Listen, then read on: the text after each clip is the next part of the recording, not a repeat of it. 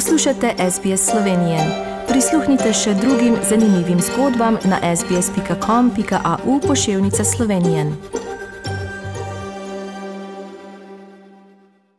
Poslušate slovensko oddajo na radiju SBS širom Avstralije in po svetu v soboto 19. februarja. Danes nam je veliko veselje, da se lahko ponovno pogovarjamo s podpredsednikom Olimpijskega komiteja Slovenije, nobenem vodja slovenske reprezentance na zimskih olimpijskih igrah, ki se nam tokrat oglaša iz Pekinga na Kitajskem. Najprej ga seveda lepo pozdravljamo na naši slovenski vdaji v Avstraliji. Dobro dan, Tomaž Barada. Dober dan. Na zadnje eh, smo se pogovarjali tik pred začetkom eh, zimskih olimpijskih iger v Pekingu, zdaj pa skoraj na koncu, torej še dva dni tekmovanja, sicer se bojo končali v nedeljo. Čestitka seveda vsem za medalje, ki smo jih doslej prijeli. Skupaj jih imamo, kot vemo, sedem, dve zlati, tri srebrne in dve broneste. Ja, držite, vsekakor rezultat, ki smo ga nismo pričakovali, ampak smo zelo ponosni, da smo ga osvojili.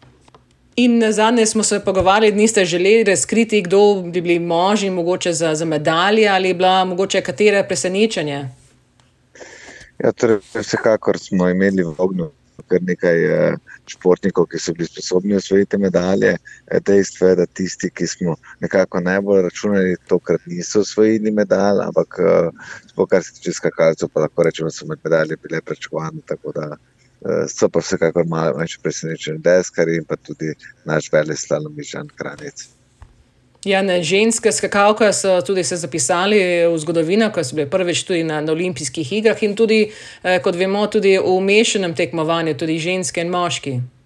Ja, torej, to je bilo prvič tekmovanje v mešanih ekipah in uh, lahko rečem, da smo ponosni, da smo s tem spisali zgodovino in uh, se kot prvi pisali kot zmagovalci tega elitnega tekmovanja, torej olimpijskih iger v uh, ekipnih skokih. In prve medalje so že padle v prvih dneh iger, kako pa je recimo vzdušje nadaljuje potem v, v ekipi, ker je bilo seveda še veliko dni do konca iger. Je torej dejstvo, je, da če prvi dan že osvojiš zlato in bronasta medalja, je to nekakšen eh, dodatni zagon za celotno ekipo.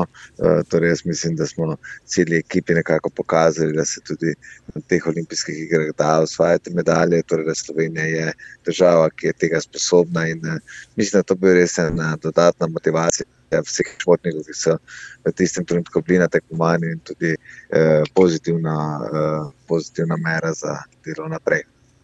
In pravzaprav na začetku, nekateri so, so bili pozitivni na začetku, eh, ko so prispeli eh, v Peking. Eh, kako je to vplivalo potem na, na pripravo, recimo na ostalo ekipo?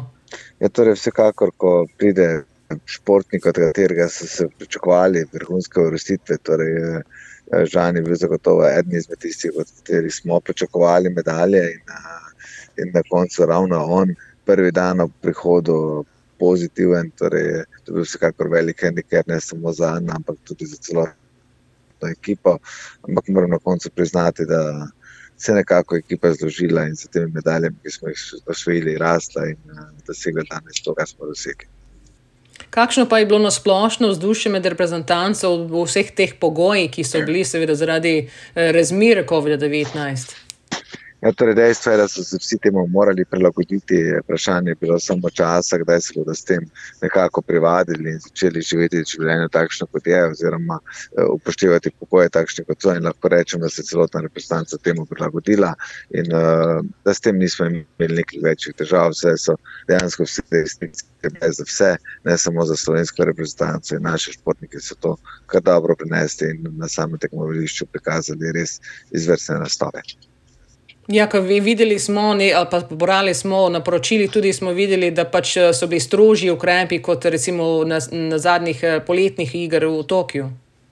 Ja, torej res je, kar se tiče Tokija, jaz eh, sem bil tudi tam prisoten in lahko rečem, da sem tam bil kar prepričan, da je to to, kar se lahko dogaja, kar se teh restriktov tiče tudi v Pekingu, ampak temu žal ni bilo tako. Torej, Kitajci so zadevo vzeli bistveno bolj resno, res so spoštovali ukrepe, bistveno bolj kot so jih spoštovali na japonskem, oziroma so bili bolj strikni.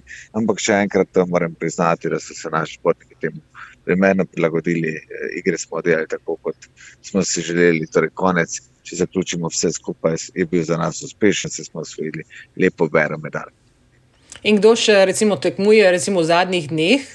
Ja, torej imamo še, bom rekel, ekipno, uh, ekipno avsko kombinacijo, tako da še tukaj lahko rečem, da tu te ekipe še pričakujemo, kakšno vidnejšo vrstitev in s tem tudi potem zaključujemo olimpijske igre. In kdo, recimo športnik ali športnika, bo recimo nosili zastavo na zaključni prireditvi? Ja, kar se tiče zastave na zaključni prireditvi, eh, smo imeli kar težave. Uh, se je večina športnikov že odšla domov, tako da bo zastavo nosila Anita Klemenčič, naša tekačica. Lepo. In eh, ko smo tudi zadnjič pogovarjali o, o eh, Triglavskem ledeniku, je bil še takrat na poti v Peking, se je dobro odrezalo, potem je prišlo in kako je recimo sprejelo to recimo občinstvo. Mislim, da je bila zadeva zelo dobro speljana, res pa je, da treba priznati, da glede na same pogoje, ki so tukaj bili, ni bila tako, bom rekel, glamozna, kot smo si tega želeli, ampak je bila v uh, dobrih rokah, torej medijsko dobro podkovana in mislim, da smo dosegli to, kar je bilo namen tega, tako da smo s tem zadovoljni. In uh, naslednje uh, igre boja, bo gostiteljica Italija. Kako se kaže, recimo, uh, od, teh, od te ekipe, ki so, ki so bili letos, da bi bila mogoče še naprej na, na naslednjih igrah? Ja, torej vsekakor del ekipe bo ostal, nekaj bo novih in uh, jaz verjamem, da bo tudi v Italiji nekoliko drugačni pogoji, oziroma bistveno drugačni pogoji, kot so bili tukaj in uh, tudi nam bližje slovencem. Uh, tako da mislim, da bo to tako, kot si vsi skupaj želimo. Ja, verjamemo tudi, ker je še veliko časa. Upajmo, da se bo do takrat, seveda, ta COVID rešila, do takrat bo neka, eh, neka umeritev, tako da bodo drugačni pogoji. Eh, Tomaž Barada, podpredsednik Olimpijskega komiteja Slovenije in vodja slovenske reprezentance, hvala za vaš čas danes, da ste nam oglasili iz Pekinga. Seveda, da štimo pesti še za ostale, ki tekmujejo v teh dneh in seveda vam in, in ostalim še eh, srečno in varno vrnitev v domovino. Najlepša hvala in lepo zdrav tudi vam. Želite slišati sorodne zgodbe? Prisluhnite jim preko Apple ali Google podcasta, preko aplikacije Spotify ali kjerkoli drugje.